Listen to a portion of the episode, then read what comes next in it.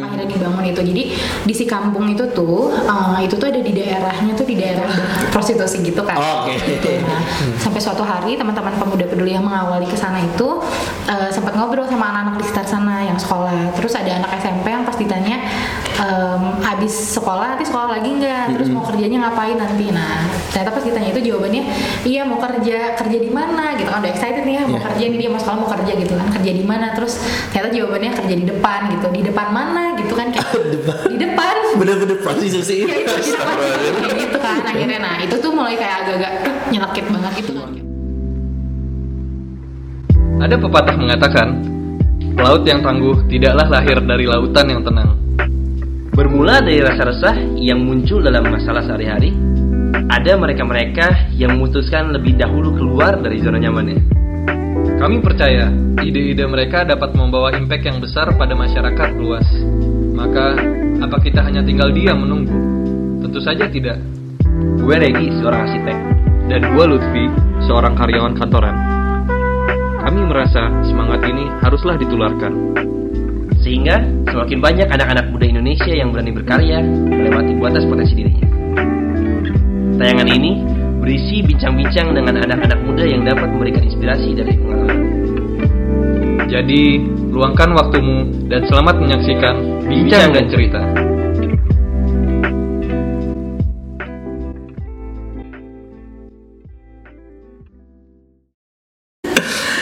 Halo semuanya, ketemu lagi dengan kita di eh, podcast Bincang dan Cerita. Sebelumnya mohon maaf banget nih kita udah eh, lama break dari episode 1 kemarin. Berapa lama muncul? Ah, Berapa lama nih? hampir dua bulan kan? sorry, sorry, sorry, sorry, sorry. Emang Lutfi sibuk nih. Enggak lah, Rek. proyek, proyek. Karena satu dan lain hal, kita mohon maaf. Tentunya em, hal yang bikin kita semangat nih, eh, kalau kita dapat support tentunya dari teman-teman kayak eh, nge-like, subscribe, terus komen di channel YouTube maupun Instagram kita dan share sebanyak-banyaknya. Untuk yang eh, masih miss kemarin eh, episode 1, lu bisa cek di linknya itu ada di atas. Eh, nanti semoga kalau gue edit ada deh linknya. Di mana nih?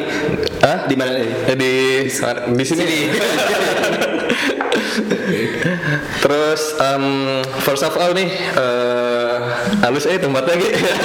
Iya alhamdulillah nih jadi kita eh, sekarang pagi-pagi di Bandung ini kan kemarin di Jakarta kita sekarang di Bandung Ah. Eh, di tempatnya apa namanya Vi? Ini nama tempatnya di Public Speaking. Lo bisa eh, ikutin di sosial media Instagramnya public.speaking. Eh, kalau misalnya lo pengen berniat bikin podcast atau vlogcast kayak kita gini, eh, lo bisa eh, langsung cek di Instagramnya. Lokasinya ada di mana Gi? Eh, eh, di Insinyur Haji Juanda tepatnya sih di belakang lokasi space.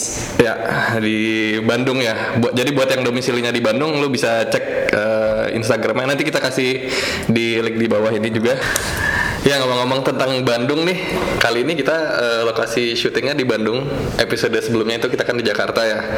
Karena eh, kita ini kedatangan guest speaker kita. Dia domisili di Bandung. Dia adalah seorang psikolog teman gue dari eh, SMA dulu di SMA Negeri 2 Bandung. Teman SMP juga. Kalau lu SMA-nya di mana? SMA SMA lima di Bandung di Bandung. Gegeduk ya, gegeduk. Aduh enggak enggak enggak. Eh buat anak-anak Bandung pasti tahu lah persahabatan antara SMA 2 dan SMA 5 tuh. Ini paling tahu. Kita sahabat semua. Bandung damai. ya, eh, selamat datang buat Aca. Assalamualaikum. Waalaikumsalam Sehat aja. sehat Sebelum mulai yang pasti Aca ini tuh baru beres banget sidang. Iya, Jadi udah uh, udah fix banget nih kita uh, ketemu sama Aca dengan gelar psikolog ya Aca. Iya. Ya, Oke, selamat dulu Aca. Selamat Jadi uh, gimana nih Cak? Jadi uh, mungkin bisa diceritain apa sih yang yang kemarin uh, ini yang profesi yang psikolognya itu Aca fokus di mana sih? Gimana? Itu jadi Jadi kemarin kan aku ngambil S1-nya psikologi di Unpad kayak gitu. Terus eh, tahun 2017 lanjutin lagi langsung ngambil magister profesi. Oke. Magister profesi psikologi. Jadi itu memang khusus buat lulusan S1 psikologi yang mau ngambil eh, apa ya? Yang ngambil profesi sebagai psikolog kayak gitu. Cuman dijurusin lagi, nah pembidangan lagi. Nah, aku ngambil majoringnya klinis dewasa. Oh, oke oke. Emang ada apa aja Cak pilihan? Eh, sebenarnya agak beda-beda gitu di tiap univ. Tapi kalau di Unpad sendiri tuh ada klinis dewasa, ada klinis anak, terus ada pendidikan, ada sosial, ada industri organisasi gitu, sama eksperimen sih satu lagi ada enam. Kalau di Unpad gitu. Hmm. Yang ya kamu khusus untuk yang dewasa. Mm-mm, klinis dewasa khusus gitu. Dan sekarang eh khusus eh, maksudnya berpraktek untuk dewasa gimana? Eh, sebenarnya kalau kemarin satu setengah tahun kerja praktek eh, nangani dewasa kayak Iya. gitu. Nah ke depannya kalau misalkan mau difokusin untuk praktek sendiri juga bisa akhirnya klinis dewasa gitu. Oke oke. Eh, Oke berarti kita ya udah tahu mungkin ya eh, skupnya Aca itu sendiri eh, kurang lebih kayak gimana. Jadi kita kedatangan seorang Psikolog. psikolog. Eh, Ada pengalaman menarik nggak Cak sebagai psikolog? Kalau klinis dewasa ini kemarin sebenarnya em, kan praktek kerja prakteknya di Bandung tuh sebagai asisten psikolog kan karena kita belum lulus sebagai psikolog jadi kita sebagai asisten psikolog yang mendampingi psikolog yang praktek di eh, tempat-tempat tertentu. Kalau di Bandung tuh kita ada yang di bironya biro psikologi. Terus ada juga di puskesmas, ada yang di rumah sakit, dan aku juga sempat di lapas waktu kemarin tuh lapas wanita suka miskin kayak gitu. Nah, em, ya di situ maksudnya kasus-kasusnya menarik sih, banyak banget gitu ya. Eh, apalagi di perkotaan kayak gitu di perkotaan ternyata permasalahan em, apa ya permasalahan kesehatan mentalnya mungkin ya banyak banget gitu. Nah tapi mungkin eh, yang menarik juga kemarin sempat akhirnya aku karena eh, untuk lulus ngambil magister profesi psikologi ini harus mengerjakan tesis juga di samping kerja praktek. Nah akhirnya kemarin mungkin satu hal yang em, apa ya yang mungkin berkesan banget buat aku selama ngejalanin si pendidikan kemarin itu adalah akhirnya aku ngambil penelitian tesis untuk magisterannya eh, bidang klinis tapi aku- apa ya tapi integrasi juga sama bidang sosial kayak gitu jadi aku ngambil em, penelitian itu topiknya itu ngasih terapi intervensi buat eh, ibu-ibu yang jadi penyintas bencana gempa di Lombok Hmm, Oke, menarik nih menarik. Tapi kayaknya kita bisa ngegali bisa, nanti. bisa ngegali tentang lomboknya. Oke, tadi Aca udah cerita tentang Lombok itu eh, sebelumnya itu emang langsung penelitian di sana atau ada kayak eh, backgroundnya sih kenapa sih milih Lombok gitu sebagai ini tempat penelitian? Nah sebenarnya sih awalnya memang karena eh, terjun ke Lombok itu pertama karena kegiatan eh, sosial gitu, kegiatan volunteering sebenarnya kayak gitu. Jadi eh, ini sambil masuk aja cerita. Ya. Jadi kebetulan Langsung aja masuk, Langsung aja. masuk masuk. Eh, jadi kan kebetulan aku udah tiga tahun tuh Iya. di sebuah NGO, sebuah yayasan sosial gitu namanya Pemuda Peduli gitu. Nah eh, tiga tahun berkecimpung di sana, memang fokusnya ke pengembangan pembinaan desa kayak gitu. Nah salah satunya memang ada desa yang di Lombok ini gitu. Jadi eh, mungkin teman-teman tahu juga ya kemarin pas tahun 2018 kan gempa ya di Lombok itu ada gempa. Nah salah satu tempat yang jadi sasaran binaan kita, program kita itu di sana terkena dampak gitu. Akhirnya kita dari tim Pemuda Peduli ini pergi ke sana untuk bantu di masa tanggap darurat sama rehabilitasi rekonstruksi. Nah akhirnya karena saat aku turun ke sana juga banyak bimbingan sama dosen-dosen di kampus, disupport juga untuk programnya, terutama dalam psikososialnya ya, yang memang psikologinya banget. Nah akhirnya diarahkan ya udah sekalian aja lakukan penelitian di sana. Jadi ya penelitiannya nggak sekedar penelitian tapi ya memberikan bantuan juga gitu untuk orang-orang di sana gitu sih. Jadi awal mulanya karena si kegiatan itu sebenarnya Berapa bulan Cak? di Lombok setahun tuh aku bolak balik lima kali kemarin. Lima kali ya teman-teman kebayangan. Dedicated. Dedicated banget. Sampai lima kali satu tahun. bolak balik tuh nyuri nyuri waktu kuliah. Jadi gimana cak? Eh, di sana tuh eh, ketika udah di sana gimana sih ambience-nya? Maksudnya eh, apa yang apa yang dirasa, apa yang didapat, apa yang buat kamu eh, ya itu sesuatu yang emang oh eh, gak bisa didapat di sini gitu misalnya di Lombok gitu. Atau misalnya emang ada sesuatu kan pasti kan dorongan besar ke sana gitu. Iya.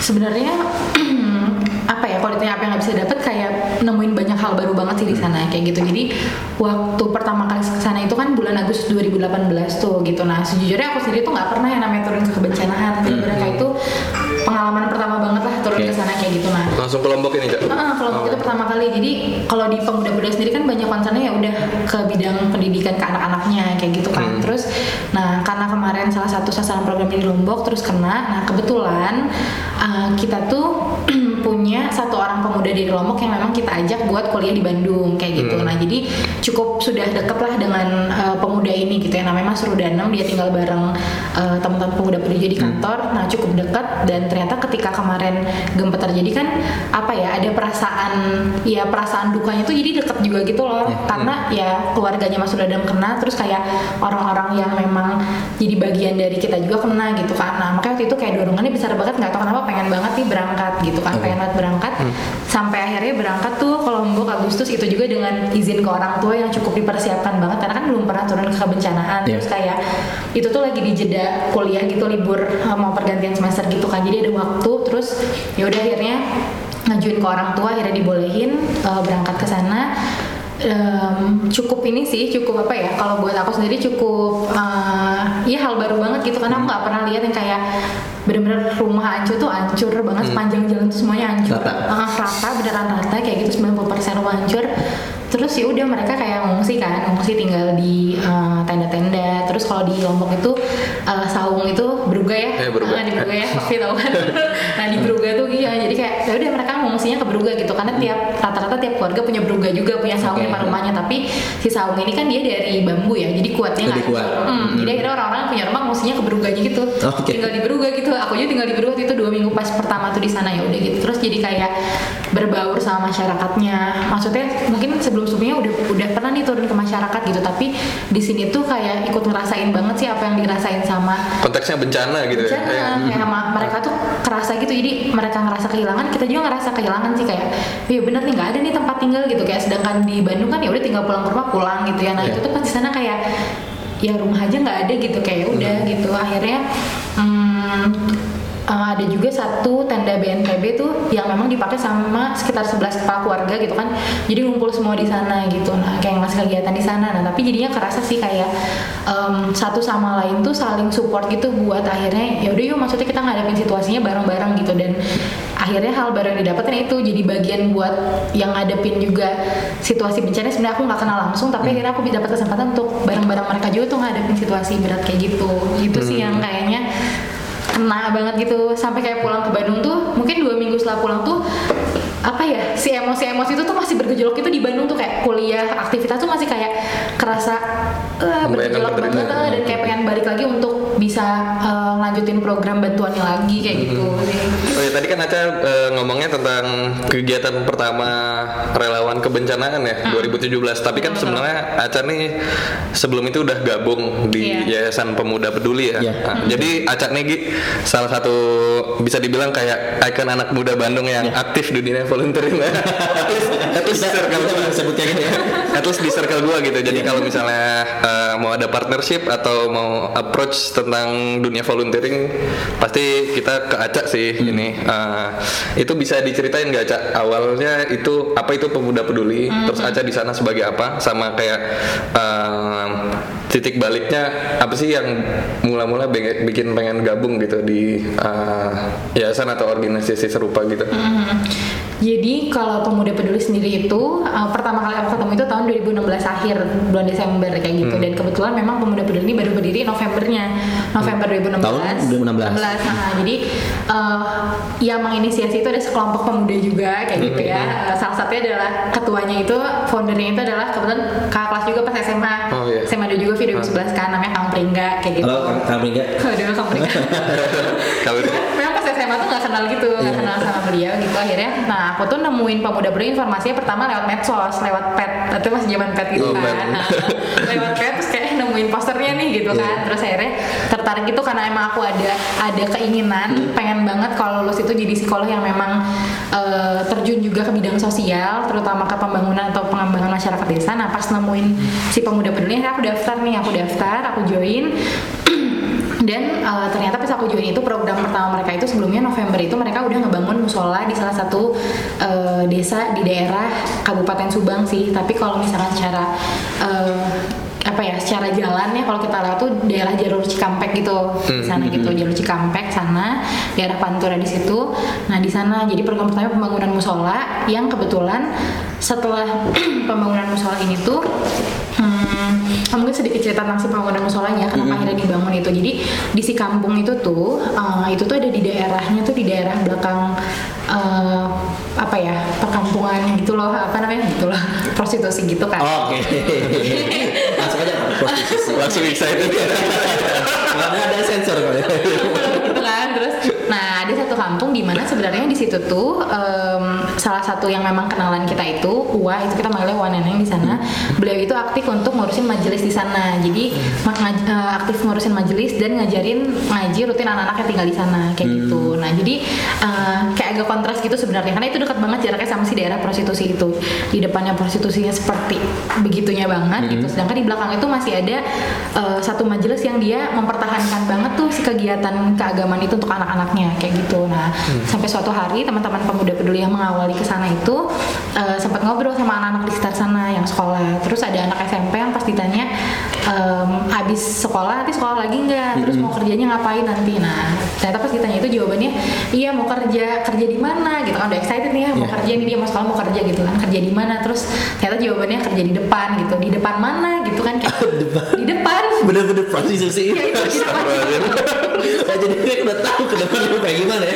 Udah jadi kayak Nggak. Eh, kayak gitu kan akhirnya. Nah itu tuh mulai kayak agak-agak "Eh, nyelekit banget. Gitu kan kayak oh, oke gitu kayak. Dan kelihatannya kayak wah maksudnya mungkin perlu dikuatkan nih si kegiatan itu maksudnya perlu di maintain gitu kan. Nah tapi memang kondisinya waktu itu tempat si majelis untuk eh, kegiatan anak-anak ini tuh bisa dibilang mungkin apa ya butuh perbaikan gitu kurang layak lah kayak gitu ya. Sampai akhirnya eh, ya itu akhirnya itu yang diinisiasi pertama gitu. Eh, kebutuhan apa sih yang dibutuhkan pertama? Nah akhirnya kebutuhan fisik dibangun musola waktu itu tuh eh, yang ngebangun tuh yang ngerancang itu benar-benar ya ini tim-tim pemuda peduli ini gitu. Jadi ada anak sipilnya gitu terus ada anak eh, macam-macam lah. Pokoknya campuran kita mengerahkan si apa kemampuan-kemampuannya dengan backgroundnya seadanya gitu ya. Gitu dan dengan masyarakat bareng di sana akhirnya ngebangun musolanya. Nah setelah ada musolanya itu baru deh di ini apa namanya diinisiasi kayak eh, supaya nggak mati kegiatannya kita tetap hidup lah tetap aktivitas anak-anak ada selain ngaji itu apa sih? Nah akhirnya dirancanglah program eh, pengajaran pendidikan itu dari pemuda peduli. Nah dulu akhirnya aku masuk pertama itu akhirnya yang eh, mengawali si program pengajaran di eh, apa namanya di desa itu. Gitu. Oke oke oke. Dan kalau misalnya itu sendiri kan sampai sekarang masih kontak atau misalnya masih ada yang uh, sustain kayak gitu. Hmm, masih masih. Jadi kita memang nggak hanya ngajar terus cabut kan gitu Hmm. jadi si desa itu namanya desa Ciberes sebenarnya nah desa Ciberes itu kita, kita udah tiga tahun di sana gitu dan masih berlanjut sampai sekarang gitu Oke. jadi karena si anak-anak juga regenerasi kan ada yang sana udah SMP SMA gitu berlanjut ada yang baru lagi gitu Kalau programnya lumayan terstruktur gitu ya, Cak, berarti ya. Hmm, sebenarnya kita programnya sustainable gitu sih maksudnya nggak program yang kayak hit and run gitu Hmm. kebanyakan memang kita yang sustain kayak gitu Aca sendiri di Pemuda Pedulinya sekarang lagi Hmm. ngejabat apa gitu? kalau sekarang itu di bagian R&D-nya R&D, R&D-nya Research and Development. research and development gitu. Jadi concernnya tuh kalau di R&D-nya aku tiga sih sebenarnya Eh, di program developmentnya kayak gitu. Terus di kedua itu eh, corporate and government relation. Jadi kayak gimana caranya kita menganalisis nih kira-kira potensi-potensi yang bisa dikolaborasikan kerjasama dengan perusahaan atau dan pemerintahan. Sama yang ketiga tuh social expansion gitu. Jadi eh, riset tentang perluasan wilayah-wilayah mana lagi dan kira-kira bisa digarap lagi untuk kegiatan sosialnya pemuda peduli gitu. Hmm. Oke oke. Nah, em, nah gini cak, kan maksudnya Aca tuh bener-bener yang dari eh, itu per- perteng- eh, akhir-akhir kuliah berarti Aca ya? Iya itu Akhir- baru akhir- lulus banget. Baru oh lulus S1, banget ya. Lulus S1 banget. Eh, sampai sekarang Cak ya. Maksudnya sampai sekarang kan masih terus eh, terus berjalan nih Iya, kayak ah. volunteering. Capek gak sih Cak? Maksudnya ya kayak gitu buat buat kamu sendiri nih. Capek gak sih? Dan kenapa terus terusan sampai sekarang gitu? Hmm, kalau dibilang capek secara fisik pasti ada ada Iya, rasa capek sih nggak dipungkirin gitu Iya. kan nggak nggak mungkin aku bilang kayak ah nggak capek kok gitu Iya, iya. ada capek gitu apalagi sebenarnya waktu kemarin aku ngejalanin tiga tahun kemarin itu kan sambil kuliah S2 ya sambil kuliah magister profesi ya gitu di saat memang jadwalnya itu padat banget dan. Iya. Jatinangor gitu cuman em, pada akhirnya eh, apa ya ini sih yang mungkin aku sempat eh, cerita juga sebelumnya kayak te- ketika perkuliahan padat gitu kan kayak pasti kan kita butuh refreshing nih Iya, butuh iya. kayak kegiatan yang akhirnya apa ya eh, bikin kita nggak boring ngurusin kuliah terus gitu kan ngurusin akademis terus kan gitu nah akhirnya sebenarnya sih kegiatan volunteering ini yang jadi penyeimbang kalau buat aku Oke. gitu jadi penyeimbang jadi ya gitu jadi misalkan pulang kuliah nih kalau ada waktu pulang ke Bandung oke aku jadinya eh, persiapan program kayak gitu atau nggak rapat eh, pokoknya persiapan media belajar dan lain-lain gitu nah di weekendnya ya itu pergi ke desa, Desa, gitu, oke, oke, ngajar oke. gitu. Ketemu anak-anak itu sih yang akhirnya bikin apa ya jadinya sebenarnya em, jadi penyeimbang sih kalau buat aku pribadi ya jadi penyeimbang gitu. Makanya mungkin itu yang bikin sampai sekarang eh, keterusan gitu. Karena udah jadi bagian juga sih maksudnya kalau dipetakan gitu dalam perencanaan hidup mungkinnya gitu. Kayak iya. nah itu udah memang udah masuk ke salah satunya gitu. Jadi kayak goals yang ah. harus kecapai Iya, di jadi saat itu juga bener-bener jadi kayak udah dijalanin terus gitu karena Oke. memang itu yang pengen dilakukan gitu Di saat orang-orang habis beres ujian gitu nonton gitu. Iya. Oke oke. Ah, mending ah, nonton musik ya mungkin lebih Netflix kan ya Netflix Netflix kan santai gitu ya tapi maksudnya kayak dipakai kegiatan-kegiatan itu pun masih dilakukan oh masih dilakukan ya masih santai ya masih tetap refreshing kayak gitu cuman eh, ya mungkin ada tambahan juga gitu ya ini jadinya gitu Hmm. volunteering juga gitu jadi capek kerasa nggak Eh, kerasa tapi Kerasa. kadang-kadang ya terobati juga gitu. Terobati ya. capek tapi terobati juga gitu Oke. langsung Oke, Ca, em, kan Aca tadi udah cerita tuh kayak Aca memilih bidang psikologi sebagai kuliahnya. Kita juga tahu kan kalau misalnya anak-anak kecil gitu ditanya, misalnya nanti kalau gede pengen jadi apa? Biasanya profesi semacam dokter atau psikolog kayak gitu emang deket. Kenapa gitu misalnya pengen jadi itu? Supaya bisa misalnya ngobatin mama atau misalnya ngebantuin orang lain kayak gitu kan. Ngobatin. Emang eh, profesi itu emang deket ke em, apa ya namanya dampak sosialnya langsung deket gitu ya. Hmm, Eh, langsung gitu ya Nah kalau Aca sendiri kalau misalnya kita disuruh milih nih salah satu doang pengen full time di sebagai psikolog atau di kegiatan uh, full time di dunia kerelawanan gitu Cak. Hmm, waduh, pertanyaannya berat ya. Ini harus memilih tidak boleh di Nah sebenarnya ya itu pertanyaan susah ya Fia sebenarnya. Cuman kalau kalau menghadapi ya situasi aku sekarang juga gitu ya dan perencanaan kemarin dan yang masih diharapkan ke depannya gitu. Sebenarnya sih em, beriringan kayak gitu. Beriringan dalam artian adalah em, yang aku bilang tadi kalau aku pribadi tuh memang ada keinginan kan buat ketika ketika apa ketika menjadi psikolog gitu psikolognya memang banyak terjun ke eh, masyarakat secara langsung gitu di bidang sosialnya kayak gitu.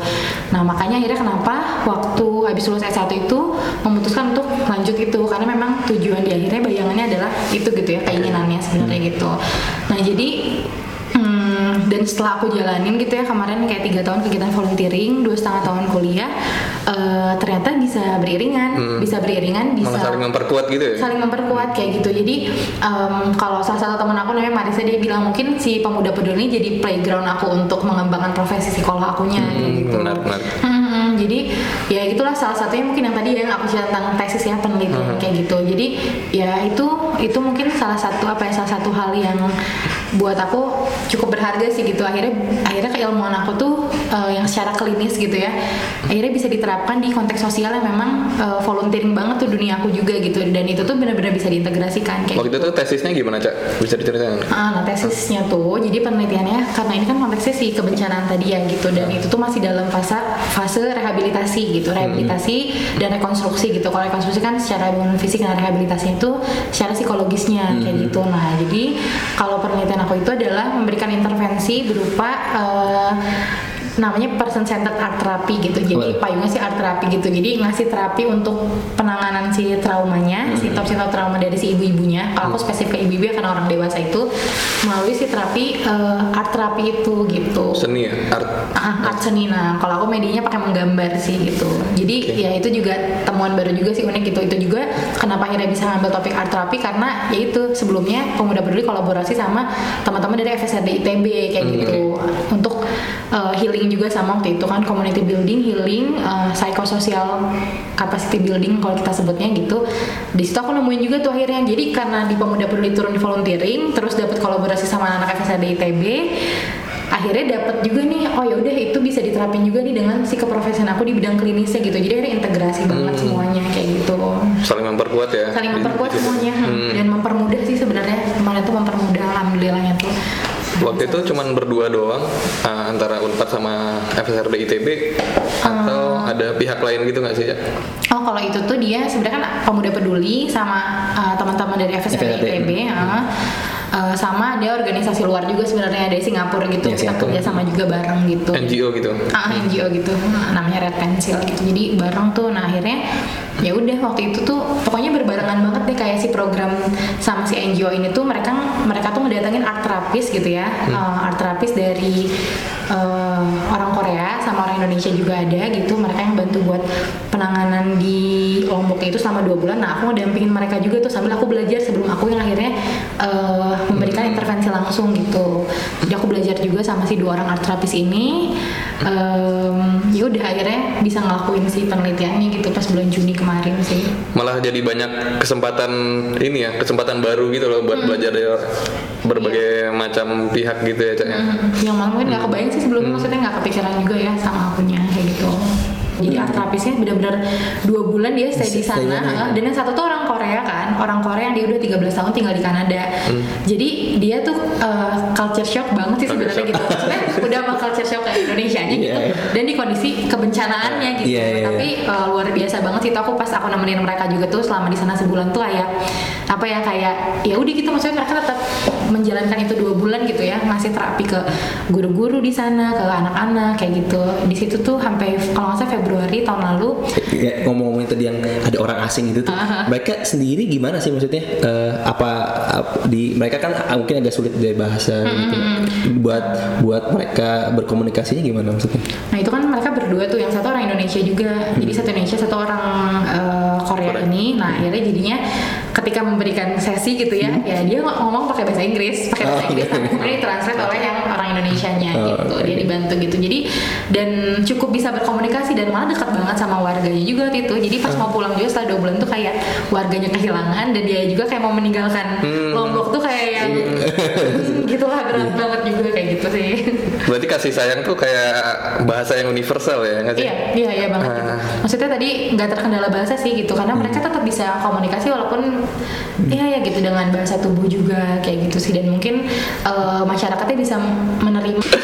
Berarti Aca bisa dibilang kayak dia karena dari pemuda peduli terus riset tadi tuh berfokusnya di Lombok sampai pemuda peduli juga kalau nggak salah sekarang punya kegiatan yang sustainable gitu kan di Iya, sana. Itu sangat berarti berarti ya Lombok tuh buat Aca gitu bisa dibilang. Ya, Seberapa berarti sih? Kalau seberapa berarti banget sih, wah banget. Nggak tahu deh, ya susah dijabarkan dengan kata-kata. gitu. Ada berencana ini Cak? Apa? Pengen stay di sana atau gimana? A- ada sih sempat ada keinginan kayak gitu kemarin tuh sebenarnya bahkan kemarin kenapa ada keinginan itu karena pengen bisa apa yang ngedampingin si program pemuda peduli itu kan maksudnya kita kan jadi program yang sedang dijalin itu namanya social navigation uh, concernnya ke pendidikan memang ini program yang uh, udah difokusin sebelum gempa terjadi gitu. Nah jadi kita memang pas ke sana itu buat program ini. Ternyata pas lagi perancangan gempa gitu kan. Makanya kita beresin dulu di uh, apa namanya uh, emergency rescue timnya baru akhirnya baru berjalan lagi nih programnya tahun ini gitu kan. Nah makanya kemarin sebenarnya sempat ada keinginan gitu setelah lulus pengen uh, apa ya kalau misalkan memungkinkan uh, stay di Lombok tuh ingin stay sebenarnya untuk bisa uh, ya gitulah ya untuk bisa mendampingi si programnya kayak gitu kan di sana. Cuman memang uh, kalau sejauh ini sih kayaknya uh, nggak akan stay tapi mungkin akan Bolak-balik ya? uh, mungkin ngecek juga ke sana buat monitoring sih gitu Wah luar biasa sih jadinya gimana ya gue kebayangnya kalau misalnya gue zaman kuliah dulu kayak gue akan stay di suatu tempat itu tuh semata-mata karena memang kalau gue kerja gitu di sana Iya, iya, iya, iya. atau misalnya kalau gue S2 misalnya di suatu tempat gitu kan ng- ngelanjutin studi ini Aca Buat solid bareng. bisa volunteering itu kayak benar-benar udah mak- maksudnya itu bisa ngedatengin benar-benar happiness gitu ya Cak. itu kan big deal gitu loh kayak pindah ke suatu tempat merencanakan kayak gitu cak nah selama berkegiatan tuh pasti ada dong kayak rewarding experience gitu cak kayak ya ya rewarding experience itu apa sih istilahnya kayak Em, pengalaman berharga yang bikin kamu tuh terus ada drive buat semangat Iya.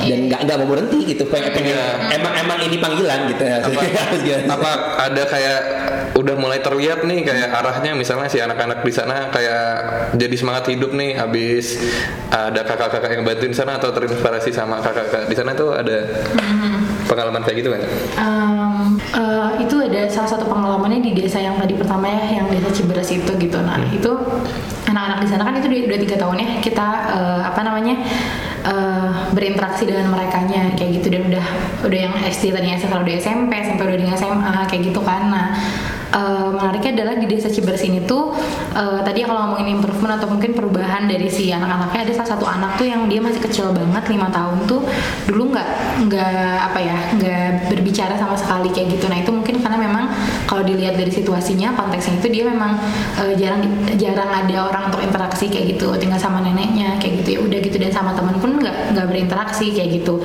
Nah ketika dia ikut di program ini mungkin eh, akhirnya terbangun tuh yang namanya ya tadi ya eh, komunikasi. Terus kayak gimana cara anak-anak diajak untuk bisa bareng-bareng ngerjain sesuatu kayak gitu. Interaksi sama kakak-kakaknya kayak gitu. Nah kayaknya udah lewat enam bulan tuh sampai akhirnya anak itu bisa ngomong gitu. Akhirnya dia ngomong karena dia eh, belajar yang namanya ya tadi ya mungkin berinteraksi satu sama lain gitu bekerja sama. Nah mungkin itu jadi stimulus juga yang akhirnya bikin kita juga sangat-sangat excited tuh pas pertama kali dia ngomong tuh kayak kaget banget ya. Nah, setelah bulan- enam bulan deh. setelah enam bulan dia bicara gitu kan kayak alhamdulillah gitu udah dan sampai sekarang tuh udah udah interaksinya maksudnya kita udah dia udah cukup eh, deket ya sama kita semua kayak gitu itu ada terus kalau di yang lain tuh di yang lombok itu eh, nah di salah satu sekolah yang sekarang lagi kita running program itu kan dia ada di daerahnya akses cukup sulit kan terpencil gitu sekolah filial gitu. Nah em, beberapa kali kan kita ngelakuin pengajaran di sana dan sekarang concern di sana juga kayak gitu kan karena memang terbatas gurunya. Kalau di sekolah itu tuh gurunya terbatas eh, lima rombongan belajar gurunya hanya empat orang gitu dan gak tiap hari ke sana. Jadi anak-anak kadang-kadang eh, ya udah nggak ada pembelajaran gitu sedangkan akses mereka ke mana-mana jauh gitu kan. Nah eh, ada anak yang udah lulus dan dia sekarang udah SMP gitu ya udah SMP dan pada akhirnya mungkin dia ngelihat gitu bahwa ya sepenting itu tuh ketika ada kakak-kakak ngajar ketika ada program pengajaran yang berjalan itu tuh eh, dia mungkin merasakan eh, apa ya dampak baik buat dianya itu adalah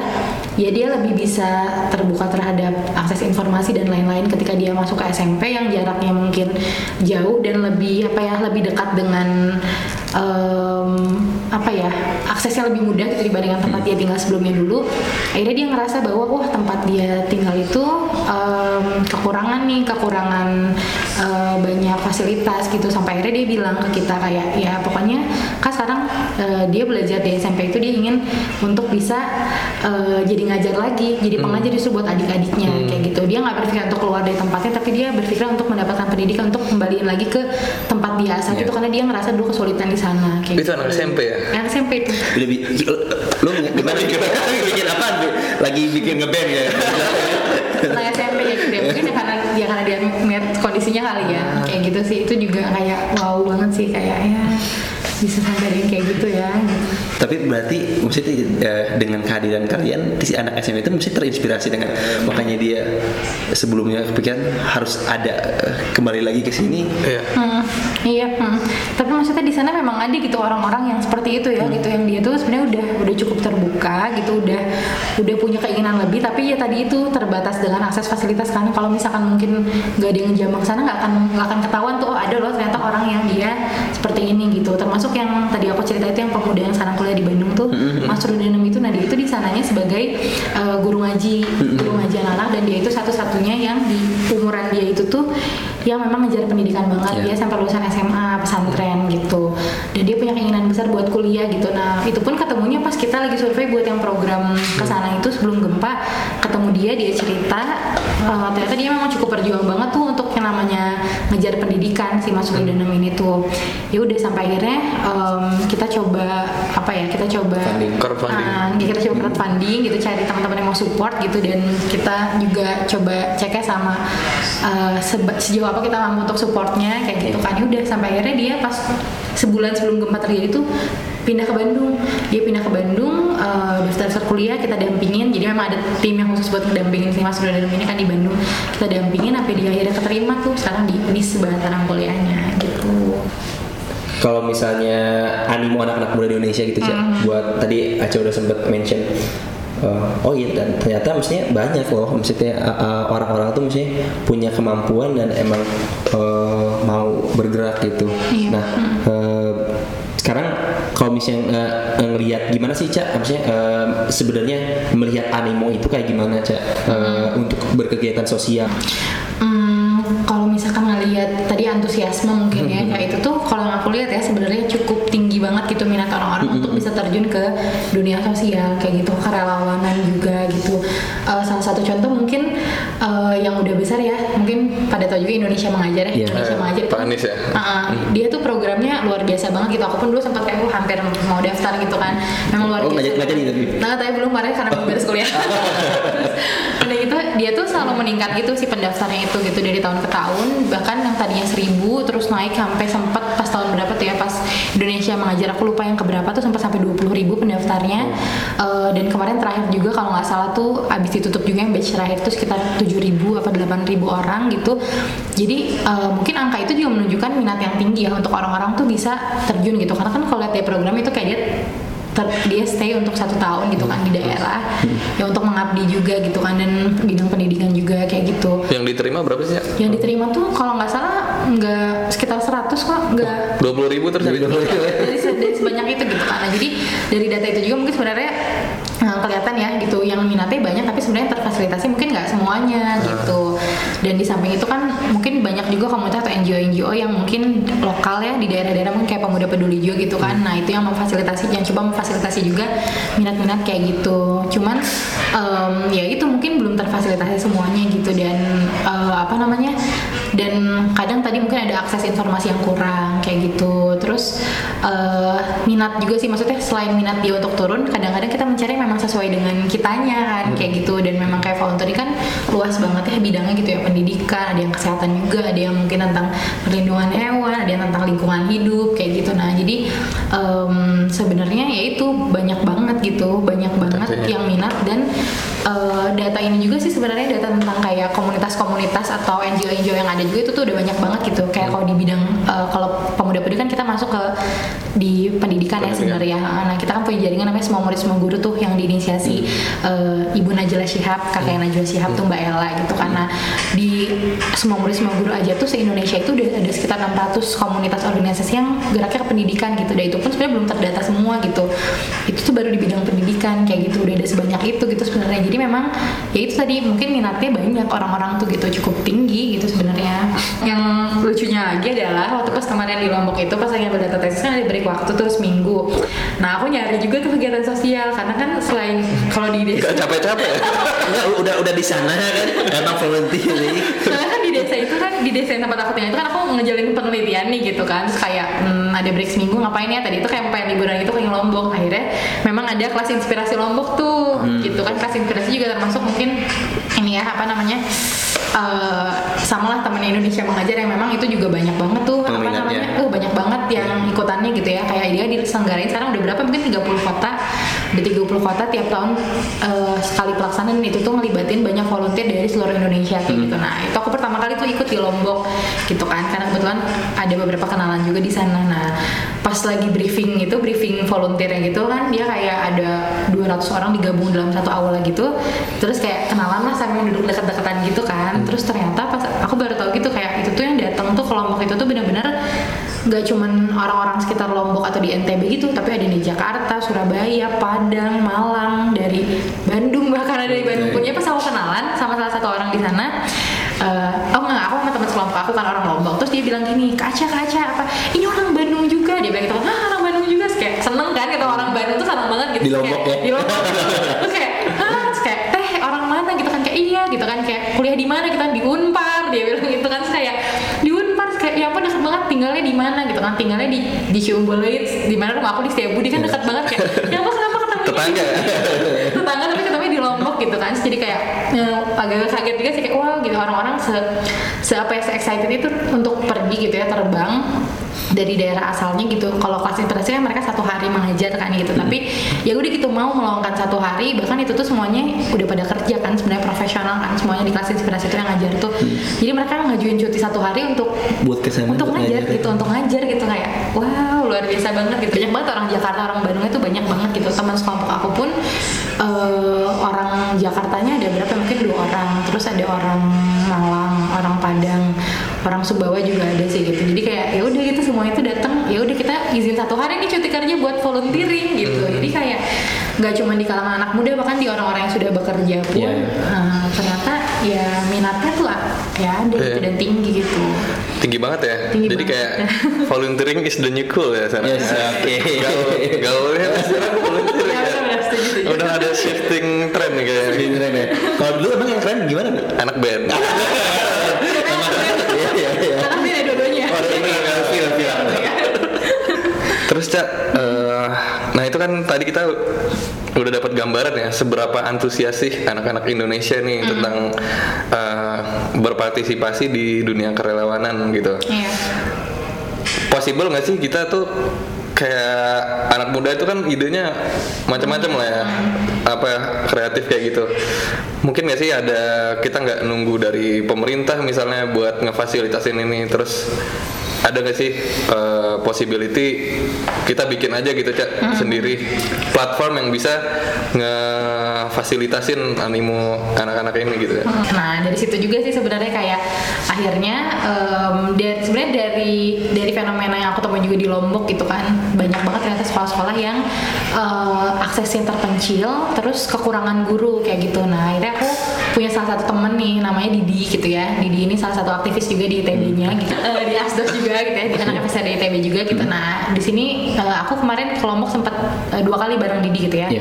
dua kali dan akhirnya uh, menemukan banyak hal gitu dia dia juga udah cukup apa ya cukup lama lah uh, uh, berkecimpung di bidang volunteering gitu ya dan dia udah kalau dia udah lebih jauh lagi menjamannya ke daerah-daerah di pelosoknya kayak gitu dan ya itu fenomena tentang uh, apa namanya di daerah pelosok itu tuh kalau kita nyebutnya di daerah 3T di daerah 3T tuh banyak banget uh, apa namanya sekolah yang uh, kekurangan guru kayak gitu. Tapi di satu sisi tadi gitu data-data yang tadi tentang minat tentang antusiasme anak pemuda tuh tinggi banget gitu. Tapi kayaknya dua hal ini tuh gitu.